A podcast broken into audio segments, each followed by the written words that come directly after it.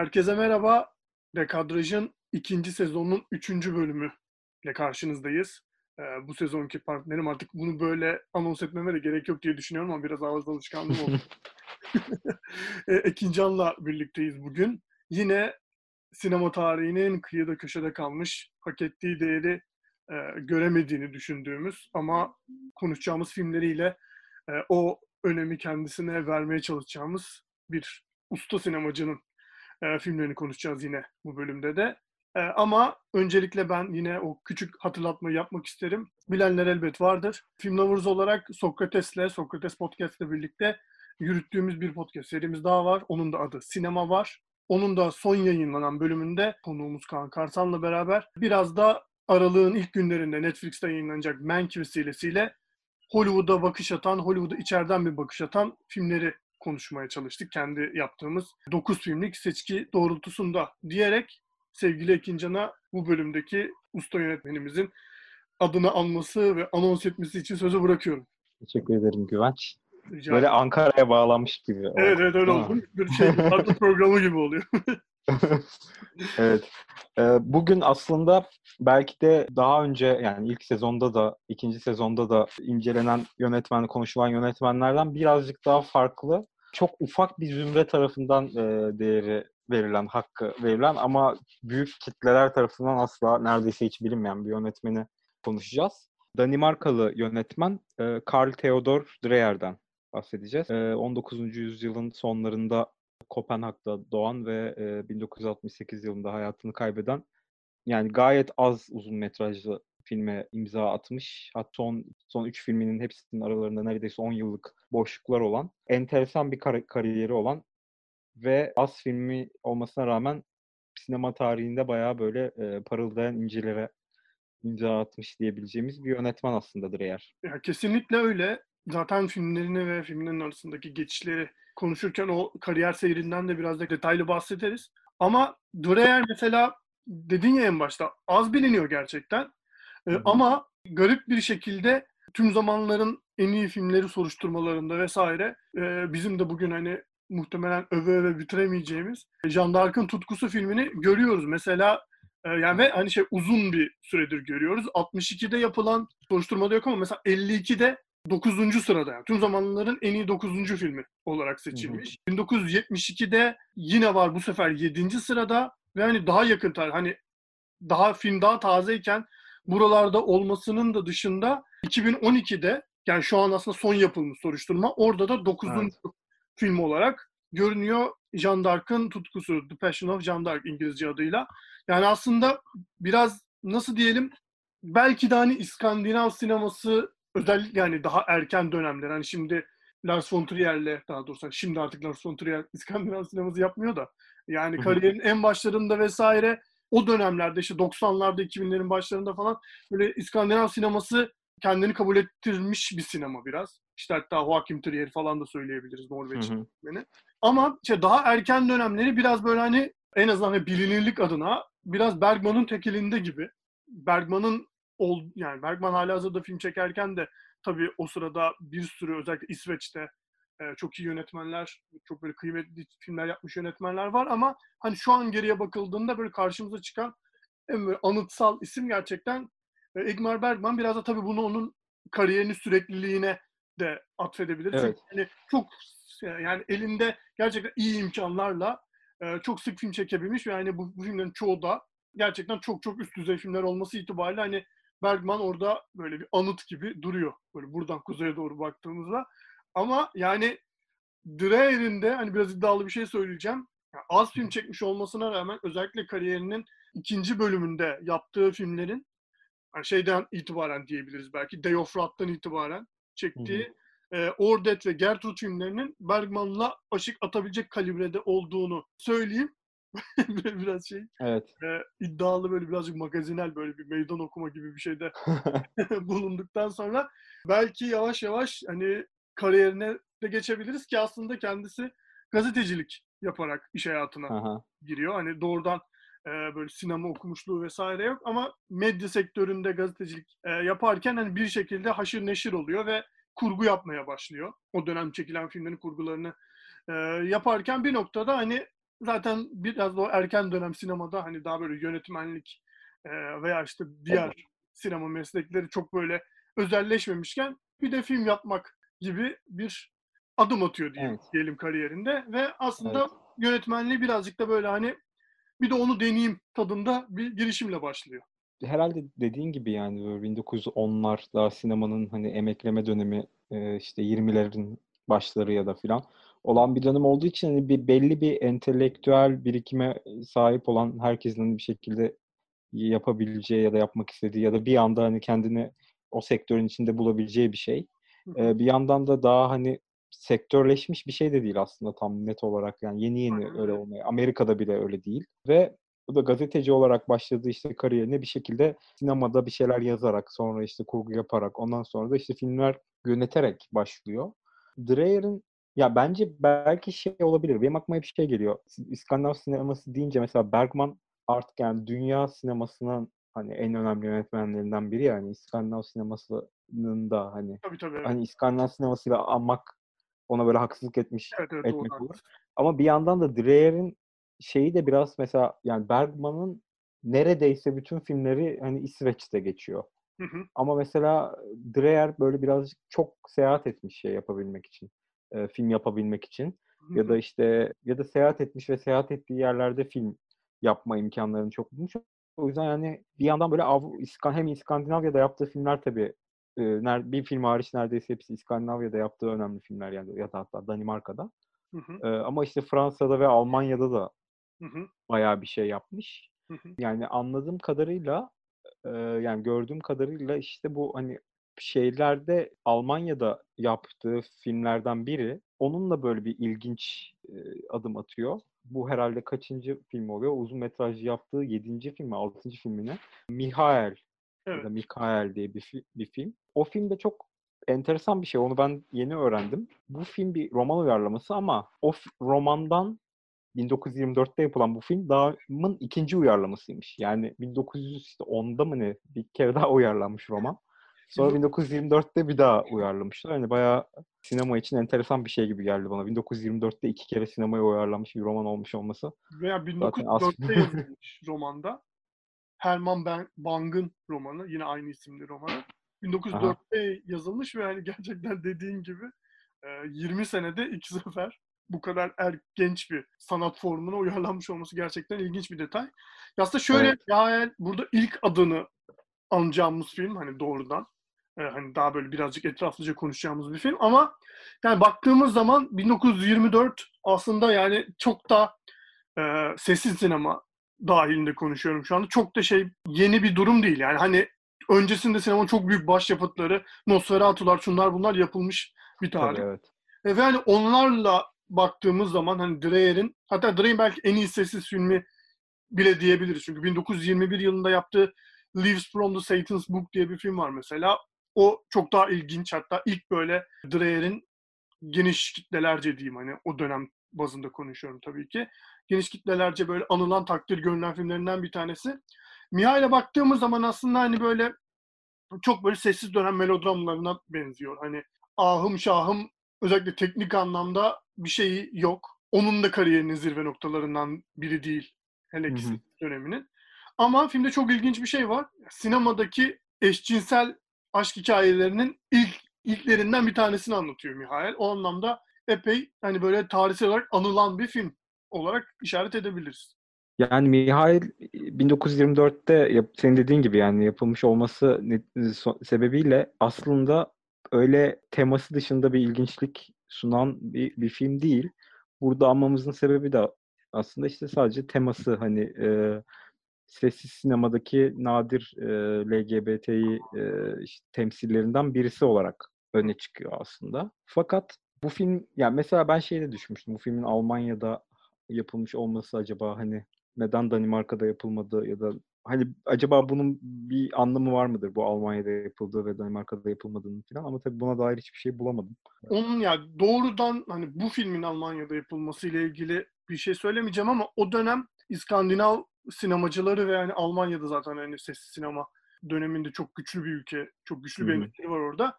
Yani o iki ülke arasında böyle sürekli yani o iki ülke demeyeyim de iki bölge arasında İskandinavya ve Almanya arasında böyle hani gidip gelmeler olduğunu biliyorum. Hani şey gibi aslında biraz da e, İskandinav sessiz sinema endüstrisi şey gibi. Almanya'nın birazcık böyle dış uzantısı gibi. Hani sürekli Ha. Oradan yönetmenler işte Almanya'ya geliyor falan. İşte böyle ortak yapımlar falan oluyor.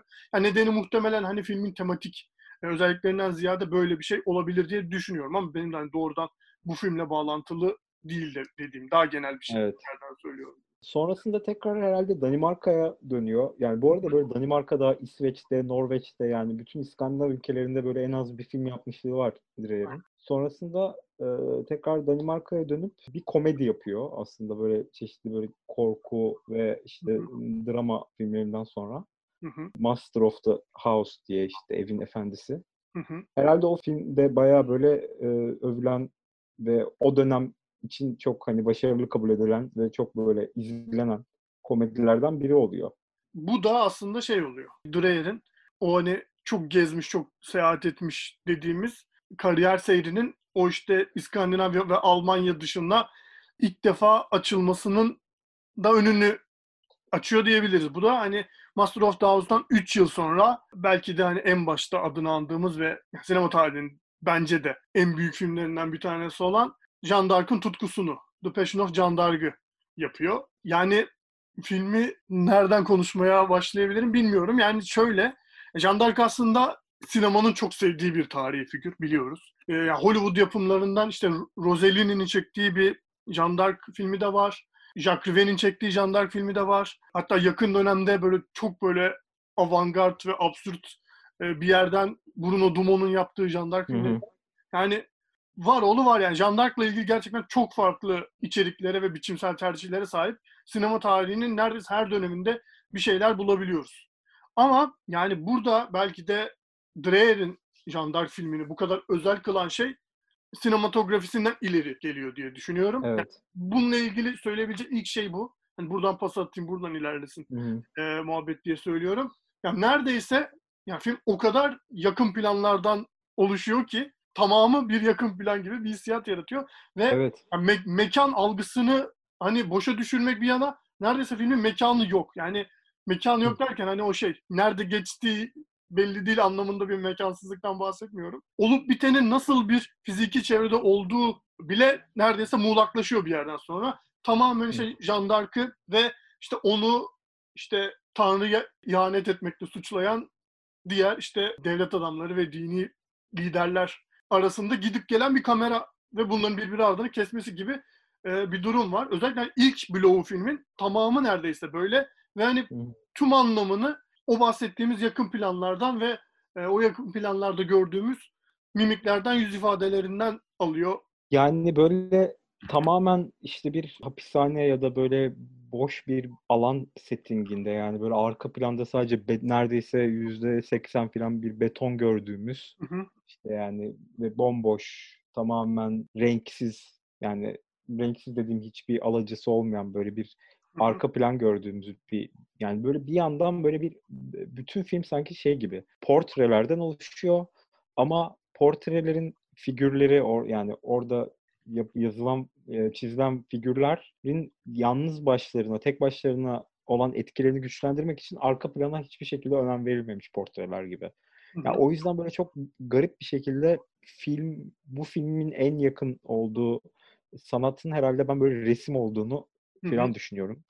İnsanların işte yani bütün oyuncuların özellikle de yani Jean d'Arc oynayan Falconetti'nin hani böyle kameranın önünde böyle insanüstü bir hale e, dönüşüp gerçekten de hani bir Aziz'i oynadığını bize aktarması ve bunu çok minimum mini- mimik ve çok az hareket ve sıfır ses ile yapıyor olması. Ya bence bu film zaten bir kere daha çekilmiş hiçbir Jean d'Arc filmine benzemiyor. Hatta neredeyse çekilmiş hiçbir filme benzemiyor. Yani öyle. buna benzeyen bir film olmayabilir yani e, sinema tarihinde. Ve tamamen dediğin gibi yakın planlarla insanların yüzleri, yüz ifadeleri üzerine yapılmış. Yani gerçekten o 30'ların işte zaten hani bu e, filmi yaparken hani beraber çalıştı. Yani filmde doğrudan çalıştı, çalışmış olmasa bile hani Fransa'da, e, Paris'te e, beraber olduğu ortam yani gerçekten o 30'ların avantgard ortamı. İşte Jean Cocteau, filmde de oynayan Antonin Artaud falan gibi hani tiyatro ve sinema üzerine çok radikal o dönem için düşünceleri olan. E, insanlarla beraber çalışıp onların etkisi yani etki derken böyle onların etkisi altında kalmış değil de ortak karşılıklı bir e, paylaşımı sonucunda böyle ortaya çıkarttığı cidden hani o dönem için ya sinemayı böyle bir ileriye taşıyan ya da sinema böyle bir şey de olabilir. Yani bu öyle bir plastik madde var ki elimizde bunu istediğimiz gibi yontabiliriz dediyen hani biçimiyle de e, aslında çok etkileyici ve gelecek kuşaklara örnek olmuş bir eser aslında bence. Kurgu mantığı ve bu yakın neredeyse hiç başka bir plan kullanılmayan yakın plan kullanımı hani biraz evet avantgard görünüyor ama Dreyer'in buna itirazı var. Yani bu filmin hani e, avantgard bir film olmadığını iddia ediyor. Yani o ona biraz daha böyle ideolojik bir yerden avantgard olmadığını söylüyor tabii. Hani avantgard deyince daha böyle daha materyal bir bakış da giriyor ya için için. Hani o zamanki avantgard filmleri da falan kastederek söylüyorum bunu. Ama bunun tamamen insanla ilgili, insanın duyguları, insanın hisleriyle ilgili bir film olduğunu söylüyor ki buna katılmamak da elde değil aslında. Hani bu noktada şeye de biraz e, yine atıfta bulunulabilir Bergman'a. Hani onun çok meşhur lafı işte sinematografi insan yüzüdür lafına. Hı hı. Hani yani gerçekten bu filmde Dreyer ki hani daha Bergman ortada yokken e, yani sinemada bu kadar büyük bir yönetmen değilken Dreyer hani insan yüzünün ne kadar sinema için kullanışlı bir şey olduğunu e, fark etmenin de ötesinde kanıtlıyor aslında burada. Yani filmde yani neredeyse tüm duyguları özellikle Falconetti'nin yüzünde e, görebiliyoruz. Yani korku da var. Hani böyle bir olup bitene karşı kendisine yapılan haksızlığa karşı böyle bir nefret duyması da var. E, ama bir yandan da yani o çaresizliğini görebiliyoruz. Ya böyle neredeyse hani ve bunu gerçekten çok az mimikle yapıyor. O da çok enteresan. Sinema tarihinin en etkileyici oyuncu performanslarından bir tanesini de e, ihtiva ediyor Kesinlikle, bu film evet. o noktada. Onu da söylemek gerekir diye düşünüyorum ki ilginci ki Falconetti bu performansından sonra hani şey fark ediliyor onun yeteneği. Ama yani o kadar şey ki biraz daha hani onunla ilgili şöyle üretilmiş bir şehir efsanesi var. Ya o kadar e, Jean olmuştu ki bu filmde ondan sonra yeni bir şey oynamak istemedi gibi bir durum var ve sonrasında zaten hiçbir filmde oynamıyor ki kendisinin Hollywood'a falan da hani davet edildiğini gel burada da e, filmler yapalım dendiği gibi söylentiler, söylenceler var. Yani gerçekten hani biraz da şey tek filmle efsaneleşmiş olmasına birazcık ben üzülüyorum aslında Falconetti'nin bu filmdeki performansına bakınca. Ya başka evet. filmlerde neler yapabilirdin veya bu kadar etkileyici olur muydu falan gibi sorularım var hep bu filme evet, baktığımda. Evet. Ben de yani bir, bir çok garip bir hani o, yani bir belki tek bir filmde böyle bir performans sergileyip yani ondan önce bir tane daha ufak bir rolü var galiba ama Evet, evet. Ee, tek bir filmde performans sergileyip ona böyle bir efsaneleşip hani efsaneleşmesinin sebebi de belki bir daha bir şey yapmamış olması da olabilir. Yani neler ee, ama yani bence ya hani bu oyunculuk performansı bir yandan da böyle cidden Dreyer'in tamamen hani odaklandığı şey burada işte yani işte mimikleri e, bastırmaya çalışması ya da böyle çok minimize etmeye çalışması. Hı hı. işte acı yani çünkü çok ciddi bir şeyin içinden geçen bir karakteri anlatmaya çalışıyor işte yani işte Tanrı tarafından görevlendiriliyor ama işte tam tersine işte bir heretik olmakla yargılanıyor ve işte sonradan yakılıyor. Yani böyle bir süreçten geçen biri yani bir uçtan diğer uca geçen birinin yaşadığı o şaşkınlık, öfke ve kabullenememe hislerinin hepsini bir yüzde toplayarak anlatmaya çalışıyor. Bu yüzden birazcık da resme benzetiyorum. Yani böyle çok fazla oynanmış, çok fazla fırça darbesi var sanki o yüzde falan gibi geliyor ve hani çok fazla böyle fırça darbelerinin gözükmemesini sağlayacak şekilde darbelerde bulunulmuş gibi. Yani böyle yani bir şekilde o ustaca oyuncu yönetmenin yönetiminin de görünmez oyuncu yönetiminin de işte hakkını vermek gerektiğini düşünüyorum. Yani yoksa gerçekten hani bu oyuncu yönetimi ve tamamen neredeyse yüzde seksen böyle boş bir duvarın önünde gördüğümüz yüzlerden oluşan bir film. Birisini anlattığımızda bunu yani bunun izlenebilmeyecek bir şey olduğunu hani güçlü hayal eder, eder bir insan ama bu böyle bir araya geldiğinde çok garip ve hani tarif edilmez bir sinema deneyimine dönüşüyor. Ya ben çok alakasız bir şey geldi aklıma şu an konuşurken. Film biraz bana şeyi andırdı. Filmi tekrar bu kayıt için izlediğimde. Şimdi tekrar hı hı avantgard ve yani böyle izlenemeyecek bir şey gibi bir film dedin ya sen. Ya film birazcık Hı-hı. şu an bana bunu düşündürüyor. Tamamen saçmalıyor da olabilirim şu anda. Son Mad Max filmi Mad Max Fury Road'u canlandırıyor şu anda. Çünkü onda da durmayan bir aksiyondan bahsediyoruz. Hani neredeyse takip edilmeyecek gibi bir aksiyon. Hı Hani hı. birine anlattığın zaman bunu sadece hani sözle böyle bir film var ve hiç aksiyon durmuyor. Bu neredeyse bir noktadan sonra hani deneysel bir boyut kazanıyor gibi bir yerden anlattığında tam olarak izlediğin deneyimi, yaş- yani izlerken yaşadığın deneyimi karşılayamıyor bence o filmde. Şimdi sen bu film anlatmanın mümkün olmadığını ve daha doğrusu anlattığında neredeyse izlenmeyecek bir şey gözde canlandığı noktasında yani çok alakasız iki noktadan e, biri tamamen hani yakın plan ve kesmeler ve kurguyla yapıyor Evet. onu. Diğeri de bir aksiyonla yapıyor. E, hani buradan böyle çok alakasız ama bir yandan filmler bana konuşurken birbirlerini e, çağrıştılar, çağrıştırdılar diyebilirim. Şunu da söyleyelim bu arada film yani Jean d'Arc tabii ki tüm hayatıyla sinema için çok büyük bir materyal. Öyle bir figür. Ama sadece yani bilmiyoruz tabii ki onu da. Hani neredeyse birkaç günlük bir hikaye anlatıyor. O Evet. e, yani yargılanma süreci ve sonrasında idam edilme sürecini anlatıyor. Sadece hani böyle çok kısa bir zaman diliminde hani çok fazla şey anlatıyor vesaire dedik ya. Bunu çok fazla kısa zaman diliminde de yapıyor.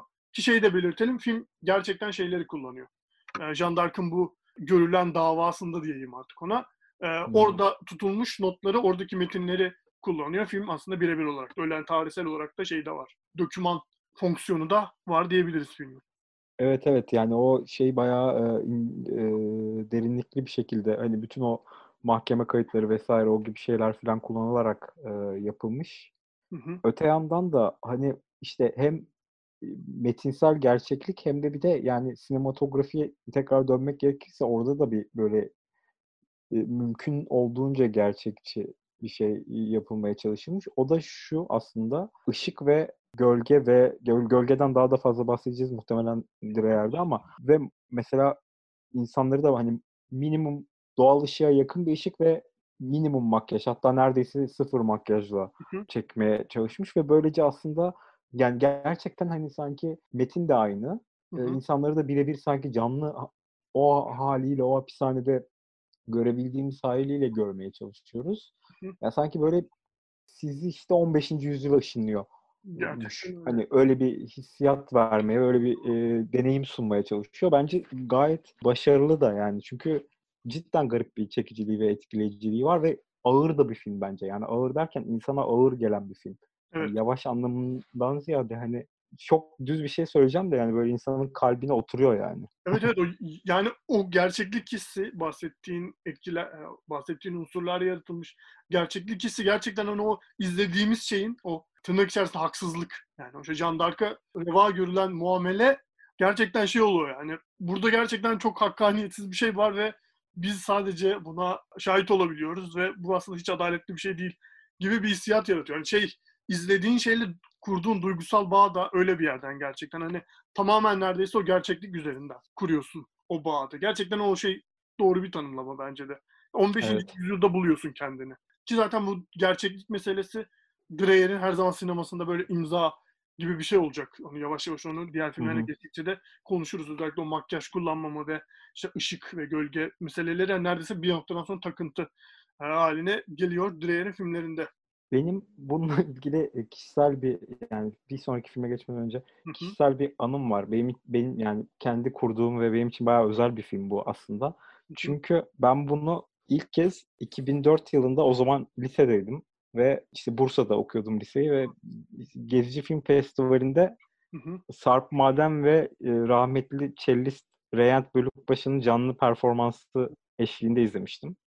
Ve yani böyle genç bir sinefil böyle bir performansla hani sinema perdesinde bunu izlediğinde benim için şey oluyor yani cidden hani ben o kadar objektif de yaklaşamıyorum. Böyle çok çocukluk anısı gibi bir şeye dönüştü bende ve ben böyle hani filmle kurduğum ilişki böyle çok garip yani. Çünkü hani o zaman vay be hani sinema demek ki ya demek yani her şey mümkünmüş hani hayal edilemeyen bir şey de mümkünmüş falan gibi böyle bir şey e, sunuyor insana. Yani filmi böyle çok öv, hani izlemeyen birisi için dışarıdan sanki yani böyle mübalağalı bir şekilde övüyormuşuz gibi gözükebilir.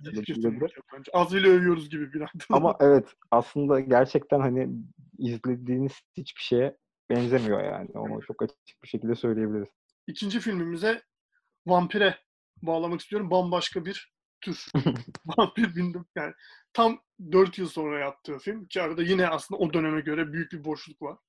Ee, vampir, Evet. Jean d'Arc ve vampir arasında. Vampir aslında tıpkı şey gibi e, Jean d'Arc gibi Fransa'da yapacağı bir film oluyor ki Jean d'Arc'ın başarısından sonra hani cidden böyle özellikle hani o dönemki Avrupa sinemasının başkenti gibi olan e, Fransa Dreyer'in önüne birazcık kapıları açıyor ama birazcık da talihsizlik sebebiyle anlaştığı şirket batıyor ve e, Vampir birazcık ilk başta sadece Dreyer'in tek başına yapımcılığını da üstleneceği bir film olacakken hani evet. şey oluyor. Artık bu gücün o- bitmediği noktada bu sefer de Alman bir yapımcıyla anlaşıyorlar ve bir Fransa Almanya ortak yapımına dönüşüyor ki aslında film 32 yapımı artık yavaş yavaş o Alman dışa vurumculuğunun da etkisinin görece azaldığı daha böyle hani modern sinema dillerinin diyeyim ona modern üslupların kendini hissettirmeye başladığı noktada ya neredeyse hani 20'ler Almanya'sından çıkmış sesli bir film gibi Evet. diye tanımlayabilirim belki. Hatta bence yani 20'ler Avrupa sinemasının böyle bir özet geçiyor gibi yani çünkü içinde çok ciddi sürrealist imgeler de var. Bir yandan da yani 1910'ların sonunda 20'lerin başında işte gördüğümüz o Alman sinemasının dışa vurumculuğun etkileri de var. Çünkü filmin yarısı neredeyse böyle bir gölgelerle geçiyor yani böyle çok ilginç e, havası var filmin. Ya filmin konusu aslında gerçekten hani çok da böyle etkileyici bir ya da çok orijinal bir konusu yok. Yani bir vampir hikayesi. Bir adam.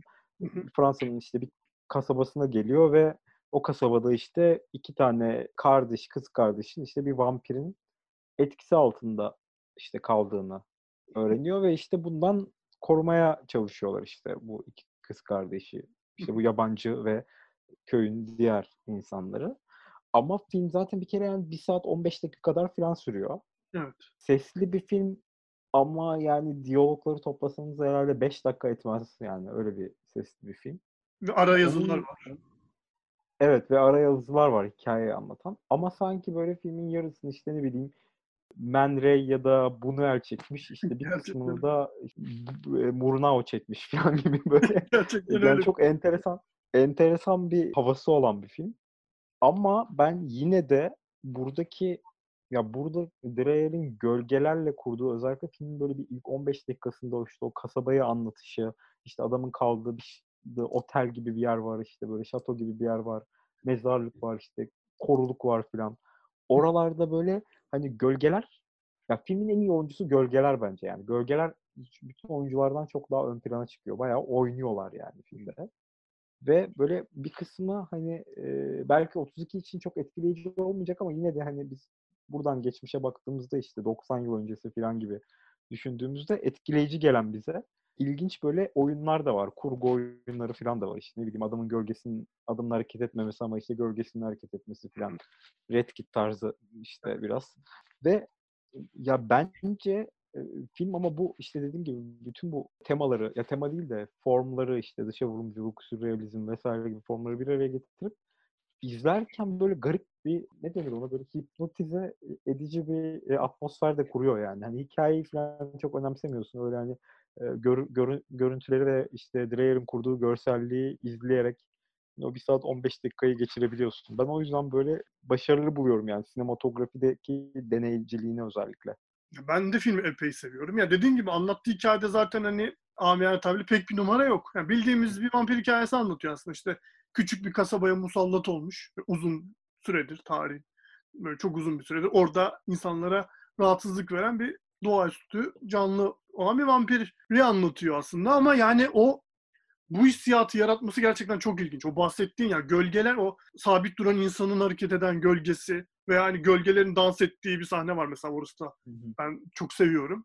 Yani gerçekten hani bir kabus atmosferi nasıl yaratılır gibi yani 1932 yılından çıkmış gelmiş bir film gibi gerçekten. O anlamda bir yandan da çok modern bir film olduğunu düşünüyorum. Çünkü hani hikayeyi yani ki aslında net bir hikaye anlatıyor. Hani ve yani belki de hani 32'de bu filmin ilginç kısmı hikayesi de olabilir.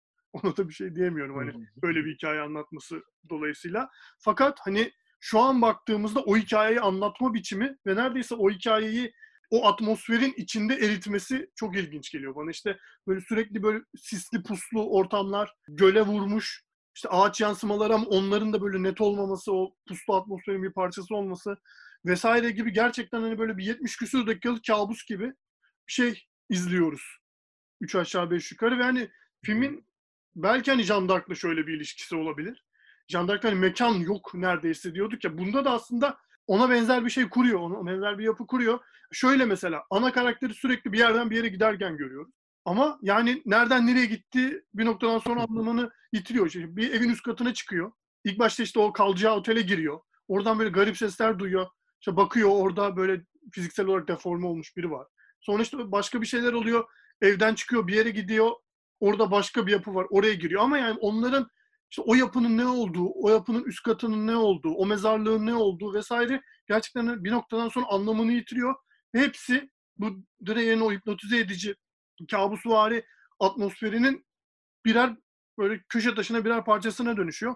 O anlamda hani film yine sinematik olarak, sinematografik olarak gerçekten hani neredeyse başyapıt seviyesinde diyebilirim. Yani şey film, 32 yapımı bir film ama yani hissedilen süresi çok çok daha düşük olduğunu söyleyebilirim. Hani 73 dakika zaten kendi süresi de kısa da yani böyle başladığın gibi bitiyor gibi film. Yani ne olduğunu anlayamadan neredeyse film bitiyor.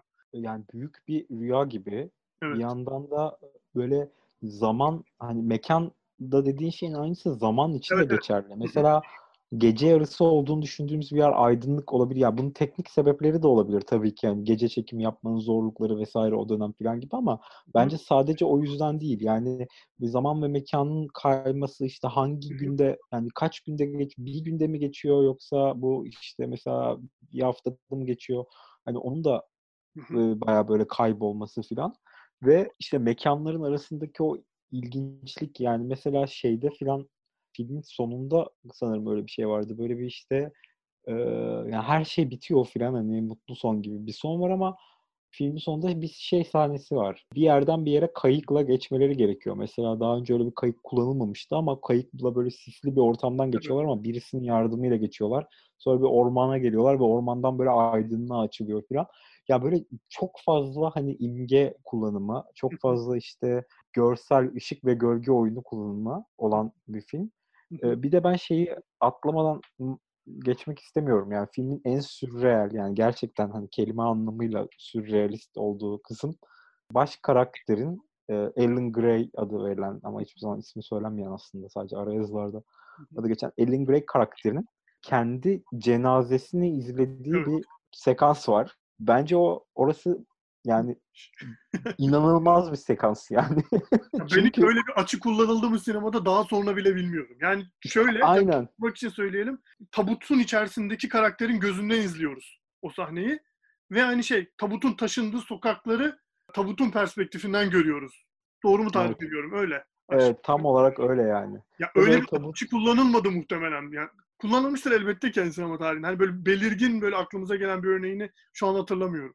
Ya ben bir de onu şöyle düşündüm yani bu 30'lardaki kameraları falan düşündüm işte o böyle uzun ayaklı tripodları, ağır kameralar falan.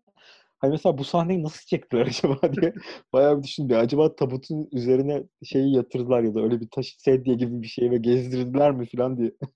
Yani muhtemelen öyle akla gelen o yani.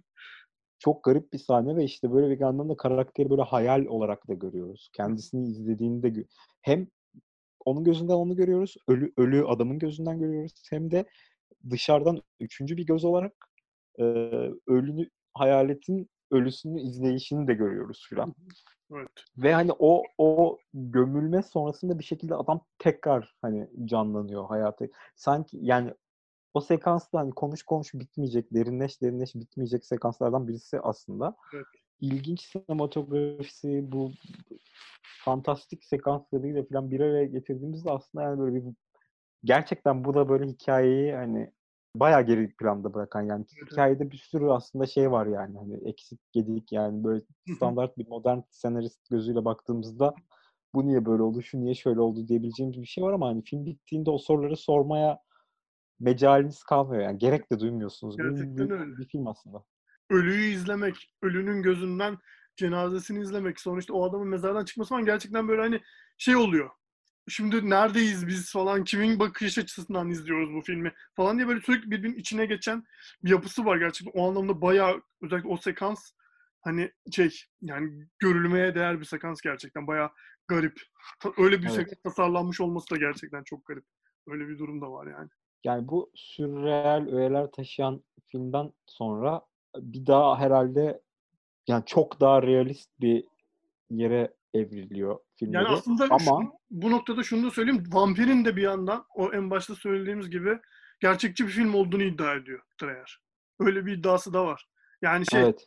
e, yani şöyle diyor aslında bu hikayede işte ana karakterin Alan Gray karakterinin psikolojisi e, çok önemli gibi bir yerden bahsediyor.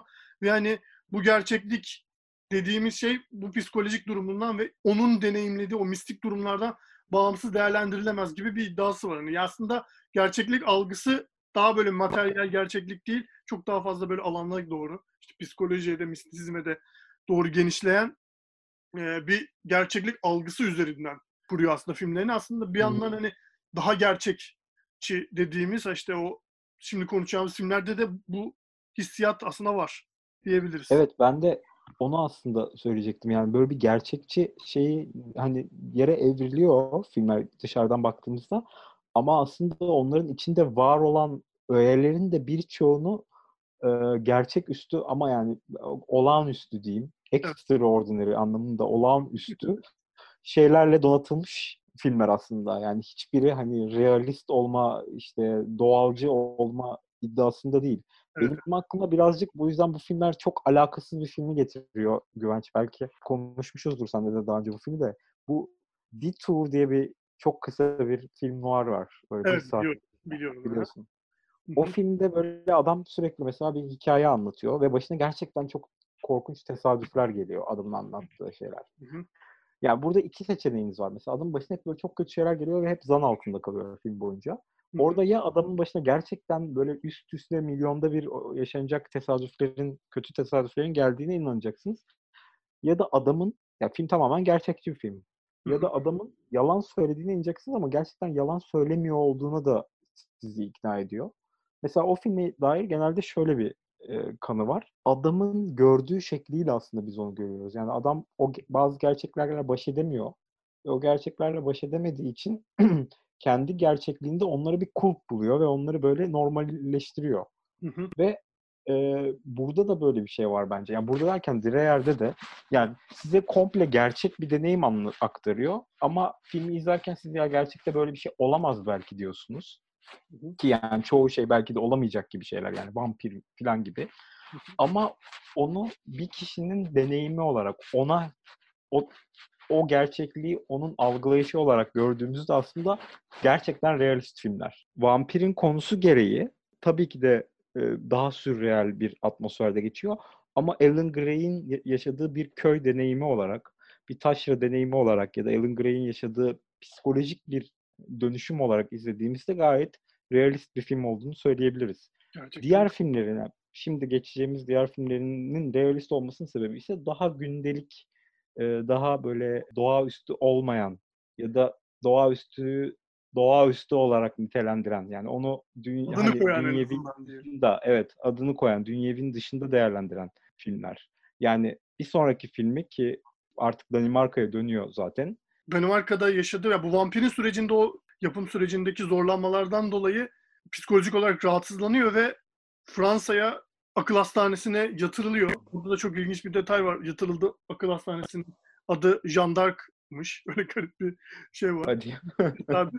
E, ve şey yani aslında o yaşadıklarından sonra bir daha film yapmayı düşünmüyor gibi bir durum var. Hatta böyle şey e, Danimarka'daki telefon rehberindeki adını işte yönetmen değil, yani mesleğin daha doğrusu yönetmen değil, yeniden gazeteci olarak değiştirtiyor. Ama Hmm. hani bir şekilde kendisine hani böyle yine sunulan teklifler ve kendisinin aslında sinemaya duyduğu aşk ki çok büyük bir sinefil de aynı zamanda çok büyük bir sinema sevdalısı. Hani öyle hı. Bergman'dan o, o noktada da ayrılıyor biraz. Yani o yüzden hani şey yapıyor. e, Artık dayanamayıp 43'te ya Vampir'den 11 sene sonra yeniden kameranın arkasına geçiyor. Day of Wrath'la. Ve e, bu film öncelikle Nazi işgali sırasında Danimarka'da çekiliyor. Yani e, o- 11 yıl bekleyip işgal sırasında çekiyor filmi. E, yani tabii bekliyor denmez ona yani hani sanki o anı bekliyormuş gibi bir durum değil ama e, doğal olarak da aslında bir yandan böyle e, Nazi işgaliyle de böyle bağlantılandırılmaya çalışanlar var. Hani bu filmin konusunun sayesinde. Ya bir etkisi muhakkak vardır ama herhalde Dreyer'in net olarak ki çoğu yönetmen böyle bir şeyi net olarak söylemez. Böyle bir analoji olmadığını söylüyor. Ama filmin konusu aslında gerçek bir hikayeye dayanıyor. 17. 16. yüzyıl sonundan bir hikaye. Norveç'te geçen bir e, cadı avı hikayesi. İşte bir kadının cadı olarak e, yargılanıyor bir kadın. Ama papaz kızıyla evlenmek istediği için e, kadını şey yapmıyor, cadı olduğunu kabul etmiyor ve işte e, affedilmesini sağlıyor ve çok kendinden çok daha genç bu cadı diye at- atfedilen kadının kızıyla evleniyor. Bundan yıllar sonra adamın oğlu e, neredeyse yeni karısıyla aynı yaşta olan oğlu şeye dönüyor, köye, kasabaya dönüyor ve buradaki işte cinsel gerilim yani genç oğlan, işte genç cici anne diyelim arasındaki e, cinsel gerilimden o dönemin at- atmosferinde işte çok meraklı oldukları hani kadın düşmanlığının evrilmiş bir hali olan cadı avı, avı e, atmosferinde hikaye işte e, bir aldatma hikayesinden bambaşka yerlere sürükleniyor tabii. Film çok aslında az oyuncuyla işte bir aile draması gibi işte papaz, papazın oğlu, papazın karısı ve papazın annesi. Hani bu dört kişinin bir arada olduğu böyle birazcık teatral havası da olan ki zaten bir oyun Yani. da hani var oyundan da uyarlanıyor ki neredeyse diğer diğer filmlerinin de e, bundan sonraki filmleri de o işte Ordet'te Gertrud'da oyun uyarlaması. Hı hı. Ama film bence e, üç filmde ortak özellik olarak bir tiyatro oyununa çok benziyor ama totalde tiyatrodan çok daha farklı e, bir yere evriliyor. Ya oradan çok özel bir şey çıkarıyor. Sinema dili çıkarıyor. Yani neredeyse benzersiz bir sinema dili çıkartıyor. Özellikle Ordet ve Gertrud'da. Oraya gelince daha detaylı konuşuruz oraları. Gerçekten hani ikisi de hani sinematografik anlamda akıl almaz filmler diye düşünüyorum ben geriye bakıp Evet. baktığımızda.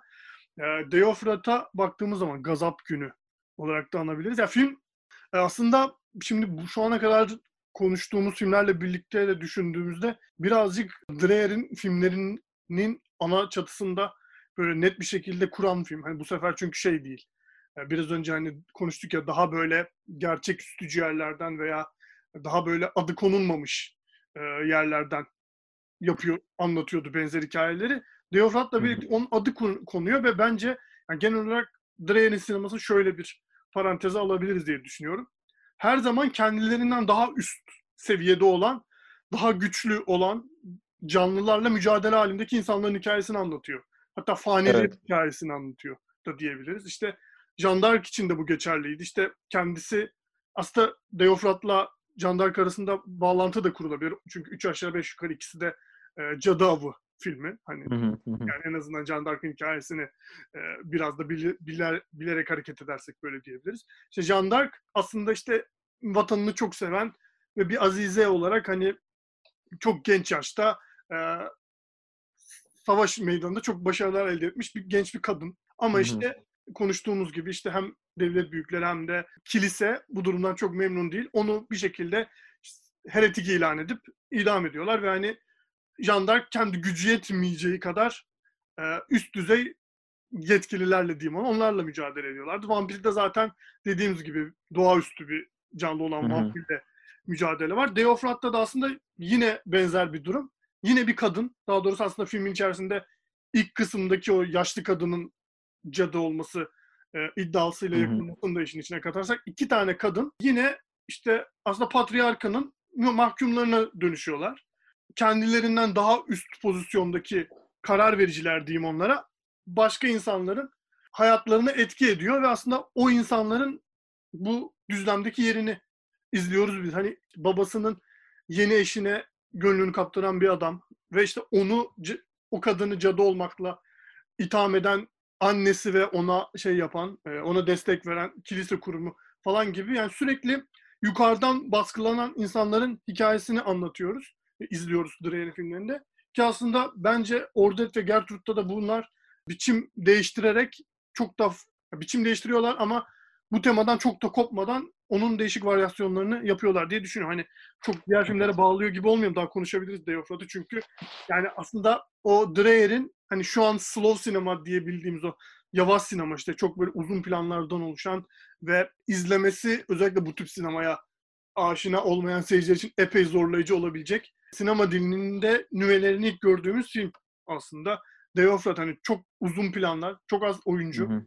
Şeylerin, e, planların ve sekansların kendi içinde yapıl üretilmiş koreografilerinden doğan bir ritmi var filmlerinin Dreyer'in. Deofrat onun böyle ilk şeyi gibi diyebiliriz. İlk hani nasıl ilk pratik edilmiş hali gibi. Evet. Sonrasında bunu tabii çok daha ustalaşacak bunda bu biçim tercihinde. Bu Hitchcock'un çok ustaca yaptığı şeylerden birisi aslında. Bu blocking denilen, Türkçe'de tam olarak ne dendiğini bilmiyorum ama kamera, yani bu tiyatro terimi sanırım, oyuncuların lokasyonları ve onların diyalogla ve aksiyonla işte hareketleri yer değiştirmesi ve hangi açıdan bize nasıl gözüktüklerini. Yani kamera da işin içine girdiğinde artık başka bir matematiğe dönüşüyor bu. E, Dreyer bunun üzerine çok fazla kafa yormuş ve yani böyle uzun 10 dakikalık sahneler olsa bile oyuncuların işte ayağa kalkıp yere yürümesi, bir yerden bir yere gitmesi, bir yerden bir yere bakmaları, işte birbirleriyle karşılaşmaları falan üzerine o setlerin üzerinde ciddi bir matematik e, kurulmuş gibi geliyor bana. Bu da işte tiyatro oyununu sinemaya aktarmanın, onu sinematografik olarak e, nasıl yani bunun neden sinema eseri olarak yeniden çekiyorum? Hani sorusunun cevabı gibi. Çünkü cidden sahneler, uzun sahneler kameraya karşı e, oyuncuların hareketiyle beraber kişilerin karakterlerini nüfuz etmemizi sağlayacak sahnelere dönüşüyor o karşılaşmalar. E, yani bu Deofrat'ta da var, Ordet'te işte e, de var, Gertrude'da da var ve üçünde de bence bu hani giderek böyle artan bir dil. Yani bu üçüne filme baktığımızda özellikle yani cidden sinema dili oturmuş. İşte Dreyer tarzı sinema diyebileceğimiz bir sinemaya e, toplama e, denk düşüyor. Deofrat özellikle bu arada mesela Ordet'te de bir nebze var ama film adını andığımız filmlerin hepsinde bir aslında şey var yani böyle bir kadın karakterin evet, bir şekilde baskılanması yani 17. yüzyılda olsa 20. yüzyılda olsa kadın karakterin üzerinden bunu anlatmaya çalışan bir ekol var. Hı hı. Biraz ben bunu İskandinav şeyine de bağlıyorum aslında ekolüne. Çünkü böyle İskandinav tiyatrosu da 20. yüzyılın başında işte Henrik Ibsen falan gibi e, tiyatro metini yazarlarının eserlerinde de gördüğümüz bir şey. Yani böyle Avrupa'nın geri kalanından birazcık daha o konuda ileride olan ve işte kadının baskılandığını daha önceden, kadının özgürleşmesinin önemini daha önceden birkaç 10 yıl önceden hani deleyen ya da onu ona dikkat çeken erkek tırnak içinde işte yazarların ve yönetmenlerin falan olduğunu görüyoruz.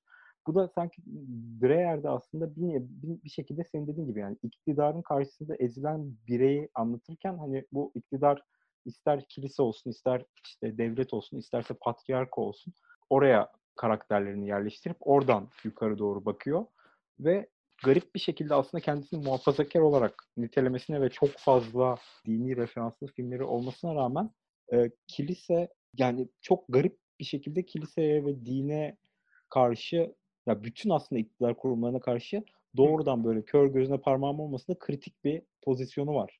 Yani özellikle yani. Ordet'te konuşacağız onun çok yani Ordet'in bu anlamda sınıflandırılması çok zor bir film olduğunu düşünüyorum. Evet. Yani yavaş yavaş da geçebiliriz aslında ama Evet. şimdi söylemek isterim bu noktada. Ya f- o film bir yandan hani çok teatral gibi görünürken o Dreyer'in takıntı haline getirdiği gerçeklik meselesi de çok önemli. Yani şey diyor, e, hani makyaj kullanmadığın neredeyse şeyden beri konuştuk. E, Jean d'Arc'ta da andık bunu. Ya bayağı bu filmin böyle e, çekimleri sırasında insanların gidip yüzünü falan böyle elliyormuş ki makyaj var mı yok mu anlamak için. Çünkü yani insan şey diyor hani insan yüzü gerçekten nasılsa filmde de öyle olmalı e, gibi bir tezi var. Hani film için insan e, daha sinematografik görülmeye çalışmamalı. E, daha ve yani Hmm. filme uygun görülmeye çalışmamalı gibi bir tezi var. Aslında bu da epey çalışıyor. Yani özellikle burada hani şey genç eşi oynayan kadının eşiyle konuştuğu ve devamında adamın hayatını kaybettiği bir sahne var. Mesela o an gerçekten hani böyle şey yine mimikle duygunun nasıl yaratabileceğine da, yaratılabileceğine dair böyle epey kıymetli doneler sunuyor. şeye doğru geçersek bu arada Ordet'e, orada yani dediğim gibi sınıflandırılması gayet, gayet zor bir film ama bir yandan da e, ben şeyi biraz okumuştum bu metnin yazarının yani bu Ordet bir tiyatro oyunu 30'larda yazılmış. Hı hı. Munk isimli Danimarkalı bir protestan papaz tarafından yazılmış ve papazın en ilginç özelliklerinden biri Hitler'e ve Mussolini'ye defalarca açık mektuplar yazarak e, onları eleştirmiş olması. İşte. Mussolini'ye hem İtalya'daki Musevilere yaptıkları hem Etiyopya Savaşı'nda yaptıkları için işte Hitler'e de yani muhtemelen her şey için ee, ve 1944'te Danimarka işgali zamanında yani Nazilerin Danimarka işgali ettiği zamanda öldürülüyor bu adam ve ciddi bir şekilde politik olarak angaje bir karakter ama yani bu politik olarak angaje deyince yani siyasetçi değil. Tiyatro oyunları yazan ama dünyada olup bitene de daima ses çıkaran ve işte ona tepki gösteren bir karakter, bir din din adamı. Ya Ordet'teki işte Ordet'teki hikaye de aslında işte bir aile Danimarka'nın kırsalında yaşayan bir aile ve ailenin işte üç çocuğu yani aile dediğim aslında bir baba var sadece. Babanın üç çocuğu var. Bu üç çocuk yani filmin en ilginç karakteri bu üç çocuktan, üç erkek çocuktan ortanca olanı Evet. e, Johannes. E, Kierkegaard çalışırken e, okurken bir felsefe e, öğrencisi tırnak içinde deliriyor. Yani deliriyor Ama demek de biraz- bağlanmasını ben hatırlamıyordum tekrar izlediğimde. Ha evet. Gerçekten hiçbir detaymış yani. Bence de bayağı iyi. Yani deliriyor demek belki doğru değil ama yani öyle görülüyor. Deliriyor ve işte ve kendisinin İsa olduğunu ya da bir, nevi, bir nevi Mesih olduğunu iddia etmeye başlıyor. Ve çağa dair bir eleştiri getiriyor aslında yani çağın o İsa'nın yolundan çıktığına dair ama hani İsa'nın yolundan çıktığını söylemek ve Mesih olduğunu iddia etmek o dönemin yerleşik dini tarafından da tabii o zaman şey olarak görülmeye başlıyor yani bir, bir nebze heretiklik olarak, din dışına çıkmak olarak Hı hı. görülüyor. Yani orada da aslında böyle mesela bu, bu bir muhafazakar tutum mu? Yani hı. özünde aslında gerçekten yani İsa'nın yoluna dönmek gibi bir muhafazakar bir tutum mu yoksa var olan mevcut iktidar kiliseye yöneltilmiş bir eleştiri mi gibi bir şey de bir bir, e, bir ikilem de hani devreye giriyor Ya bence zaten bu başta. onun yani hem bu Yohannes karakteri üzerinden böyle bir tartışma var ama o ailenin diğer üyeleri işte baba gayet inançlı bir Hristiyan olduğunu hı. görüyoruz. E, En küçük oğulları o kasabada yaşayan e, yine dinle arası epey iyi olan ve yani başka bir mezhebe mensup bir ailenin kızına gönlünü kaptırıyor ama onlar arasında da işte mezhep farkından dolayı bir kavuşamama durumu oluyor. Öyle bir durum hasıl oluyor.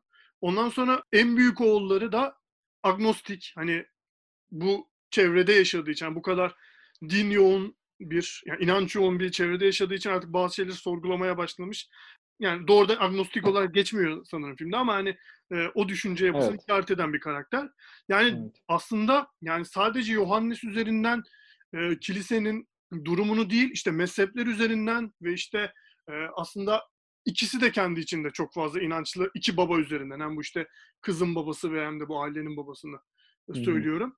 Hem de işte bir içine bir agnostik abi daha katarak ya neredeyse hani inanç mevhumunu böyle bir mikserin içine atmış ve onun içinden aslında kurumsallaşmış olan her şeye dair muhalif bir söz üretiyor gibi geliyor bana. Hani bunun içinde agn- agnostizm de var. Belli bir mezhebe dahil olarak Tanrı inancı geliştirmiş olmak da var. Veya hani doğrudan kendisini dinin kurumsallaşmış hali olarak gören kilisenin kendisine yöneltilmiş bir eleştiri de var.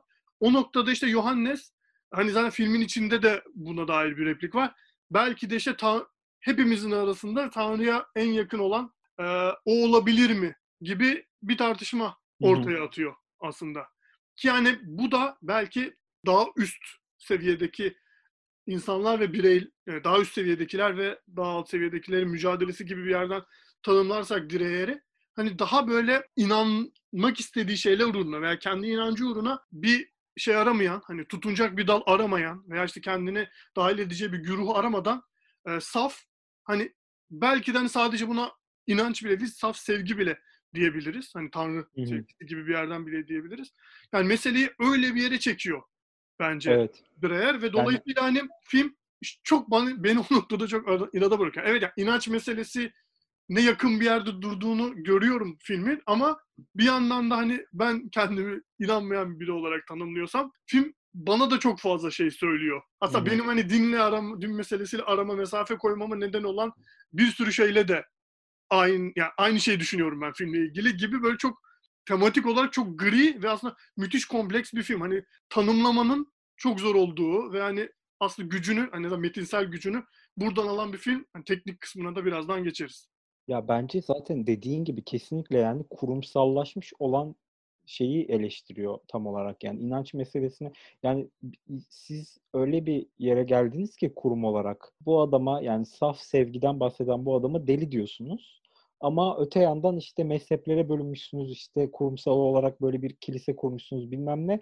Mesela iki sevgilinin arasına giriyorsunuz bu sebepten dolayı ve bunun hiçbir sebebi yok hiçbir anlamı yok gibi bir mesaj veriyor. En sonunda olan şeyle beraber de zaten aslında Dreyer çok net bir taraf tutuyor. Aslında yani inanç dediğimiz şey öyle ne bileyim taştan yapılmış bir binaya pazar günleri gitmekten ibaret değildir.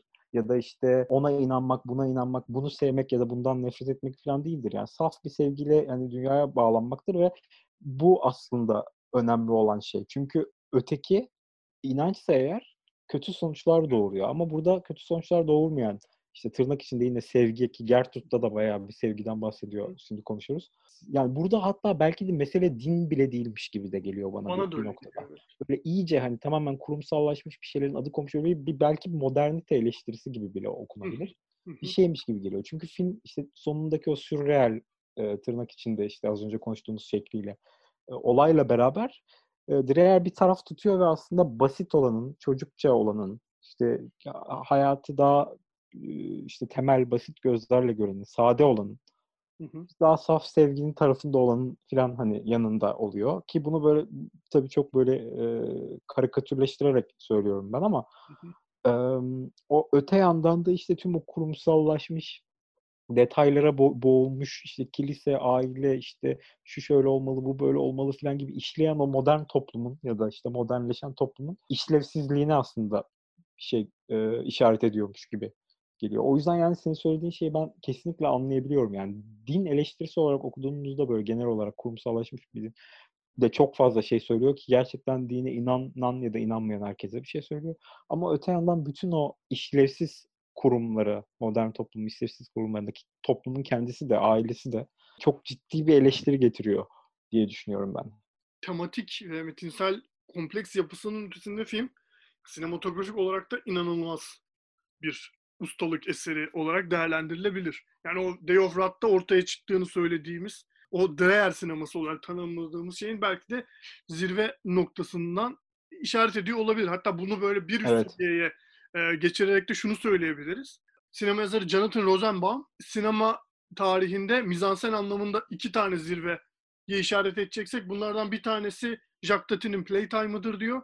Diğeri de Dreyer'in Ordeti'dir diyor. Yani yani o anlamda ki birbirlerinden hani bambaşka iki film. Hani Playtime nasıl böyle çok hızlı, evet. çok koreografi koreografiler üzerinden ilerleyen bir filmse Ordet de sadelik ve hani yavaşlık tırnak içerisinde ve o yavaşlığın içerisinden hani hem diyaloglar hem ışıklandırma hem e, oyuncuların mimikleri vesaire gibi unsurlar üzerinden kendi içinde üretilmiş bir tempoya sahip film. Yani mesela iki karakterin ya sadece birbiriyle durup konuşan iki karakter işte mesela çok önemli bir sahne var ya o İsa olduğunu düşünen kardeş ve Aha, küçük yeğeninin konuştuğu bir sahne var. Ya film evet. böyle aslında sabit bir plan gibi tasarlanmış olabilirdi yani o kolaylıkla veya işte karakterleri işte kesmelerle başka açılardan gördüğümüz işte e, küçük kızın yüzünü gördüğümüz, Yohannes'in yüzünü gördüğümüz bir plan olabilirdi ama öyle bir şey yapmıyor. Biraz da işte o senin dediğin tiyatro motifini, tiyatro matematiğini kamera üzerinden dönüştürmek gibi bir e, Evet. var filmin. Ya mesela o iki karakter etrafında kamera neredeyse 3 dakikaya yakın bir şekilde pan yapıyor.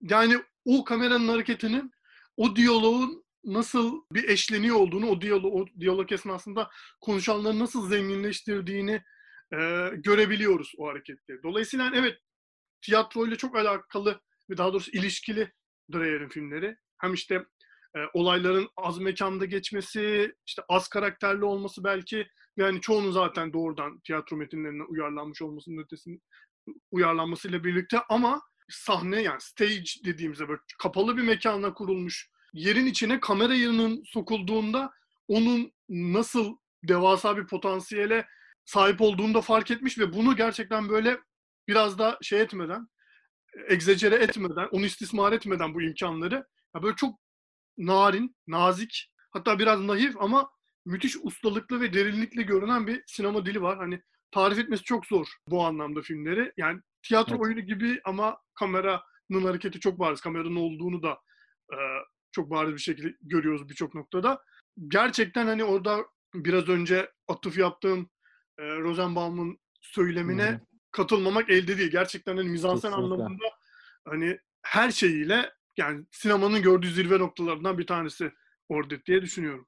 Yani ortaya çıkan ya tiyatroya dışarıda kıldığında yakın gibi gözükse de ortaya çıkan şey kesinlikle sinemanın ta kendisi. Yani oradaki de işte Day of Brad'da da Gertrude'da da bence hani bu tiyatro oyunları uyarlaması olan ve tiyatroya yakın olan şeyler e, filmleri düşündüğümüzde e, e, yani Dreyer'in yaptığı şey kesinlikle kendine ait bir Hı hı. dil ile yani bu da bence çok önemli. Kendine ait bir dil ile bir sinema eseri ortaya çıkarmış olması. Yani bu filmi izlediğinizde kesinlikle ya bu tiyatro oyununa benziyor ya da tiyatro aklınıza gelmiyor zaten. Öyle bir şey değil. Ki yani Gertrude'da belki bu daha da fazla. Yani Ordet'te dış mekan falan da var. Mesela Gertrude'da da var aslında ama yani böyle her şey böyle durağan mesela Gertrude'da. Sadece insanların konuştuğu sekansların arka arkaya geldiği bir film. Ve bunu da yani yine Dreyer'in filmlerin çoğunda olduğu gibi yani filmi anlattığımızda hani belki de insanların çok izlemeye izleme hissiyatını sağ, sağlam şey sahip olmayacakları filmler yani. Ve böyle bir film var diye anlattığında böyle çekici gelmeyecek filmler.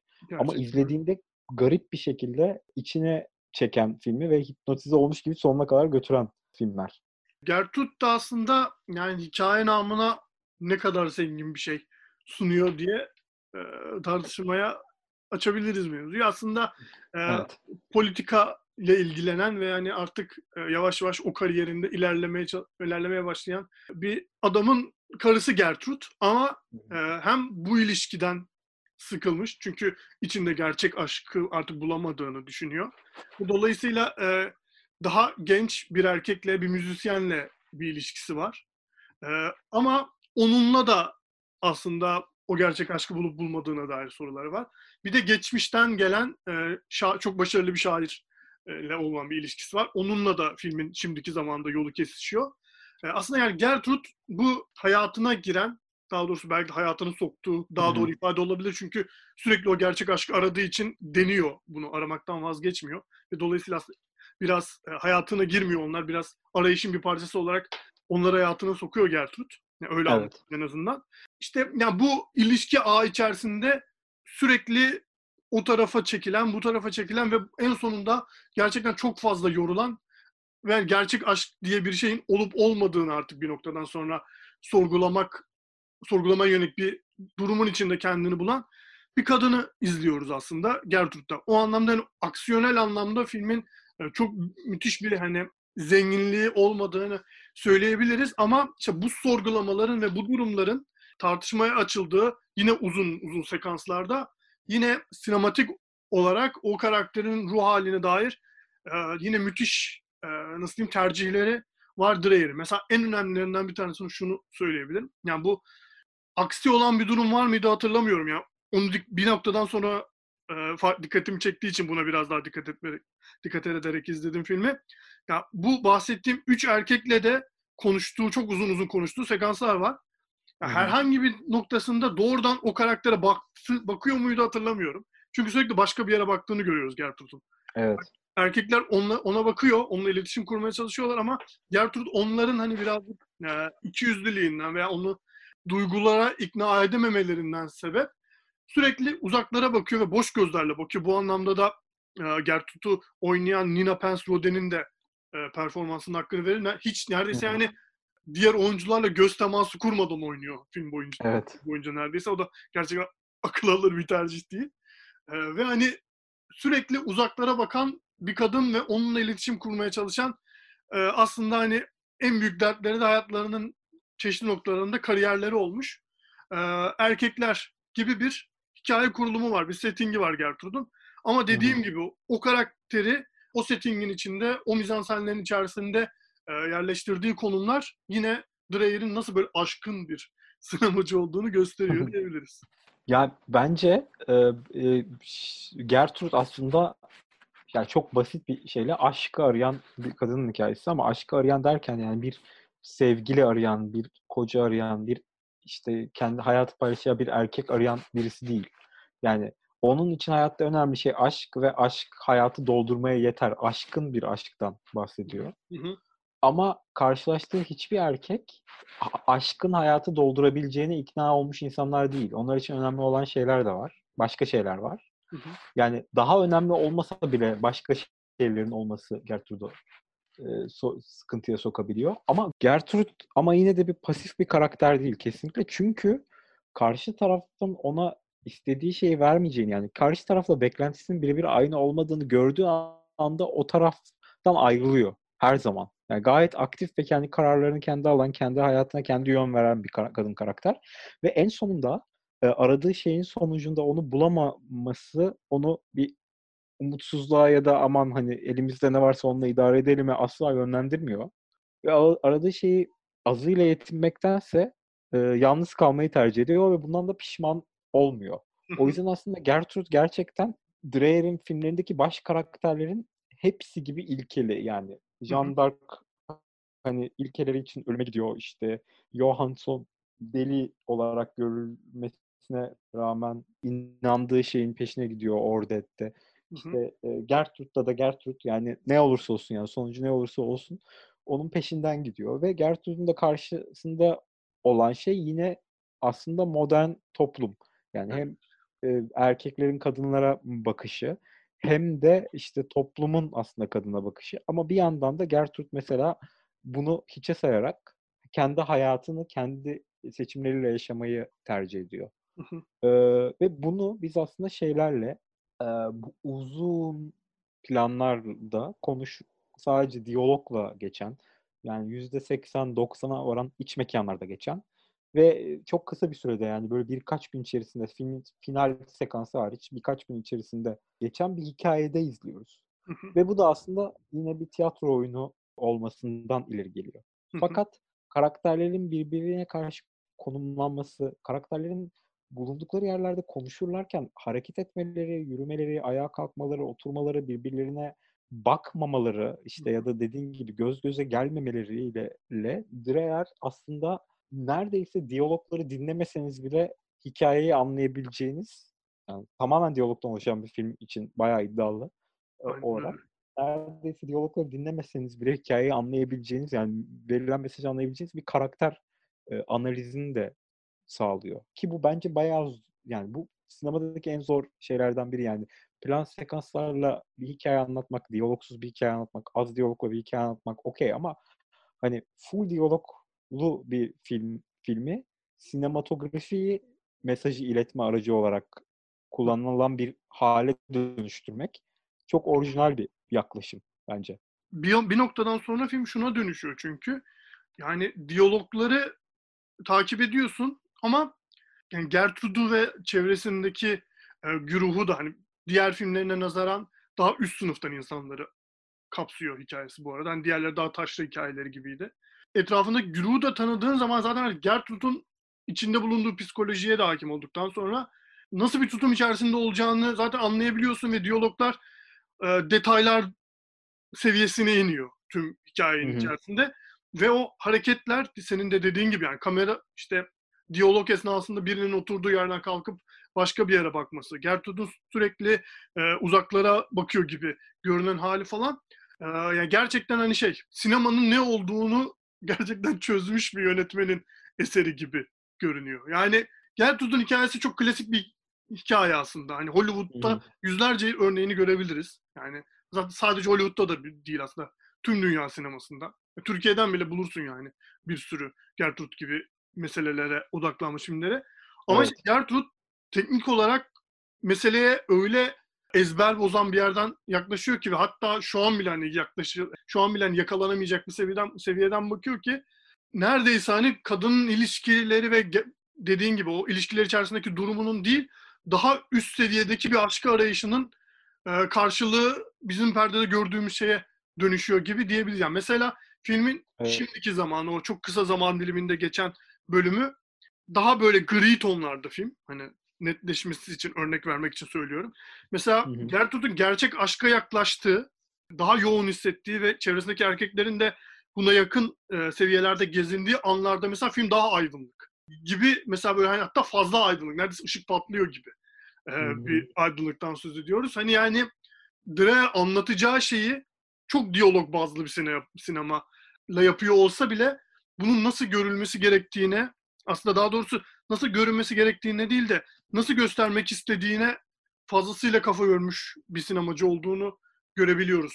Son filmi olan Gertrude'dan da hatta biraz geriye doğru baktıkça. Yani Gertrude'u görüp Gertrude'u izleyip diğer filmlere de bakınca aslında neyin neden ve nasıl yapmak istediği daha da görünür oluyor diye düşünüyorum. Evet bence bence de kesinlikle öyle ve Dreyer'in işte yani kendisine koyduğu en büyük bence zorluklar ve bir yandan da o zorluk da onun gelişmesine ve dilini oluşturmasına e, sebebiyet veren şey.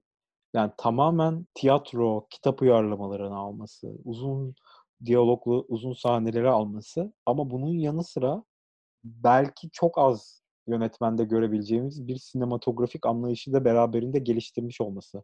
Ve bunun diyalogların, daha doğrusu diyalogların bunun önüne ya da işte teatralliğin tırnak içinde bunun önüne geçmesine asla izin vermeyişi. O yüzden de filmlere girmesi gerçekten zor samimi olarak söylemek gerekirse. Hı hı. Ama filme girildiği anda yani gerçekten herkes her filme giremeyebilir vesaire bazen.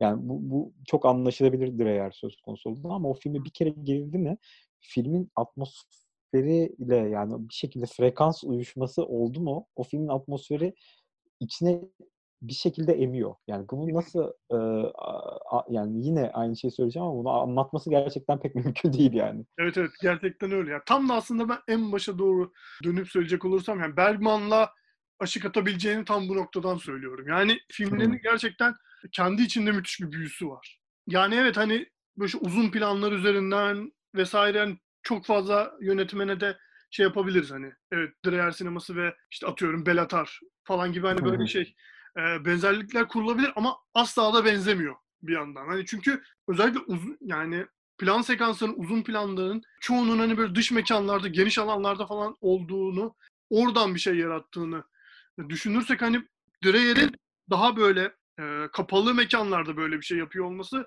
gerçekten hani bambaşka bir anlam üretiyor. Belki hani sadece hani Belatar demişken aklıma geldi. Torino Ota'nın ev içinde geçen sahneleriyle belki hani Dreyer'i benzeştirebilir miyiz bilmiyorum. Hani şu an aklıma geldiği için sadece hani Torino Ota'nı izlemiş ve Dreyer hiç izlememiş biri için belki hani öyle bir Hı hı. e, ilişki kurulabilir diye söylüyorum. Hani ev içinde uzun uzun şey yemeleri, e, patates Evet. yemeleri diyeceğim ama aslında o da değil. O patates yemekle gibi bir şey de yok. Dreyer'in filmlerinin üzerine daha aşkın bir şey, daha büyük şeyleri ifade eden bir şeyden bahsediyoruz. Çünkü Bellator orada daha e, hiçliğe ifa şey yapıyor yani, işaret ediyor ya. Aha. Ama Dreyer çok daha aslında hani insanı aşan meselelerden konuşuyor, onlarla ilgileniyor. Dolayısıyla aslında evet hani birazcık mekansal olarak biraz hissiyatı benziyor olsa da aslında anlamsal olarak e, çok başka yerlerdeler diye düşünüyorum. Bu noktada şeyi de aslında adını anmaktan geçmek istemem. Ordet ve Gertrud'un bu öve öve bitiremediğimiz sinematografilerinde parmağı olan görüntü yönetmeni Henning Berntzen. O da işte dediğim gibi son iki filminde çalışıyorlar ki aslında Lars von Trier'in Eropası'nın da görüntü yönetmeni kendisiymiş. O da Evet. detay olarak bulunsun bulunsun istedim bu kaydın içerisinde. Son dediğine bir ek olarak şey aklıma geldi benim de. Bergman'ın Kış Işığı filmi. Evet. Mesela e, hani dinle ilgili bir, bir mesele var bir yandan ama sanki böyle Bergman aslında çok daha ya bunu böyle birisi daha iyi birisi daha kötü demek için söylemiyorum bu arada. Bergman çok daha aslında dünyevinin yönetmeniyken Dreyer daha aşkının peşinde olan bir yönetmen gibi ve mesela Bergman aşkın olanı ya da dini olanı, ulvi olanı dünyeviyi anlatmak için kullanırken sanki Dreyer de dünyevi olanı aşkını anlatmak için kullanıyormuş gibi. Mesela kış ışığını hatırlamamın sebebi de oydu. Yani sanki çok büyük felsefi, dini bir mesele anlatıyormuş gibi gözükse de aslında çok temelde böyle bir insani bir drama yani bir işte aldatma hikayesini anlatan Hı hı. bir film gibi.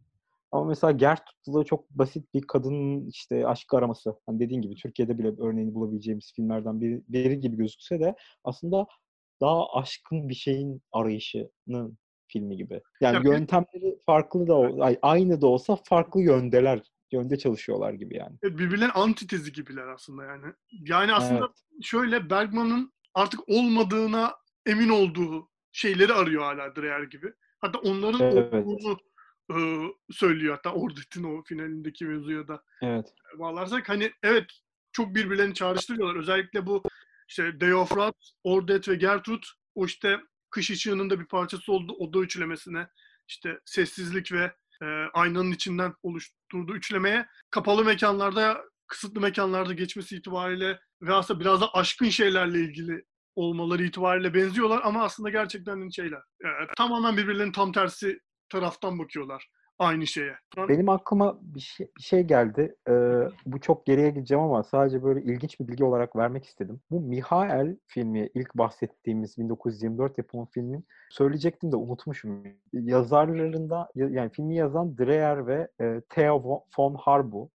E, Theo von Harbu da o zaman e, Fritz Lang'ın eşi olan senarist hı hı, ve işte Metropolis'i de sonrasında Fritz Lang'la beraber yazan e, kadın. Ve sonra Fritz Lang'la ayrılıyorlar. Fritz Lang işte yurt dışına kaçıyor Nazi döneminde ve von Arbu bayağı Nazi Partisi'ne çalışmaya başlıyor. Sonrasında hani her ne kadar işte insanları kurtarmak için Nazi Partisi'nin içinde kaldığını falan iddia etse de hani o çok böyle e, tartışmalı bir konu olarak kalıyor ama bana ilginç gelen şey hani Almanya'da yapılan bir yani ilk böyle ilk de gay temsillerinden birinin altına imza atmış birisinin sonradan birkaç sene sonra Nazi olması bayağı enteresan bir bilgi. Bir yandan da ilk kadın yazarlardan biri olması ve işte Fritz Lang'ın eşi olması, Metropolis'in yazarlarından biri olması da ilginç bir bilgi olarak verilebilir diye e, düşündüm. Söylemeden geçmek istemedim. Gerçekten de öyleymiş. O Evet. zaman Ekincan, e, bu bölümümüzde nihayet erdiren gayet yine dolu dolu keyifli ve uzuncana bir sohbet oldu. Çok O teşekkür ediyorum. Dinleyen, Sohbet. artık birbirimize teşekkür etmeyelim. Artık dinleyenlere. o zaman bir sonraki dekadraj bölümünde yine başka bir coğrafyadan, başka bir yönetmenin sinemasını konuşacağımız bölümle görüşmek üzere diyoruz. Hep herkese dinlediği için teşekkürler. Görüşmek üzere.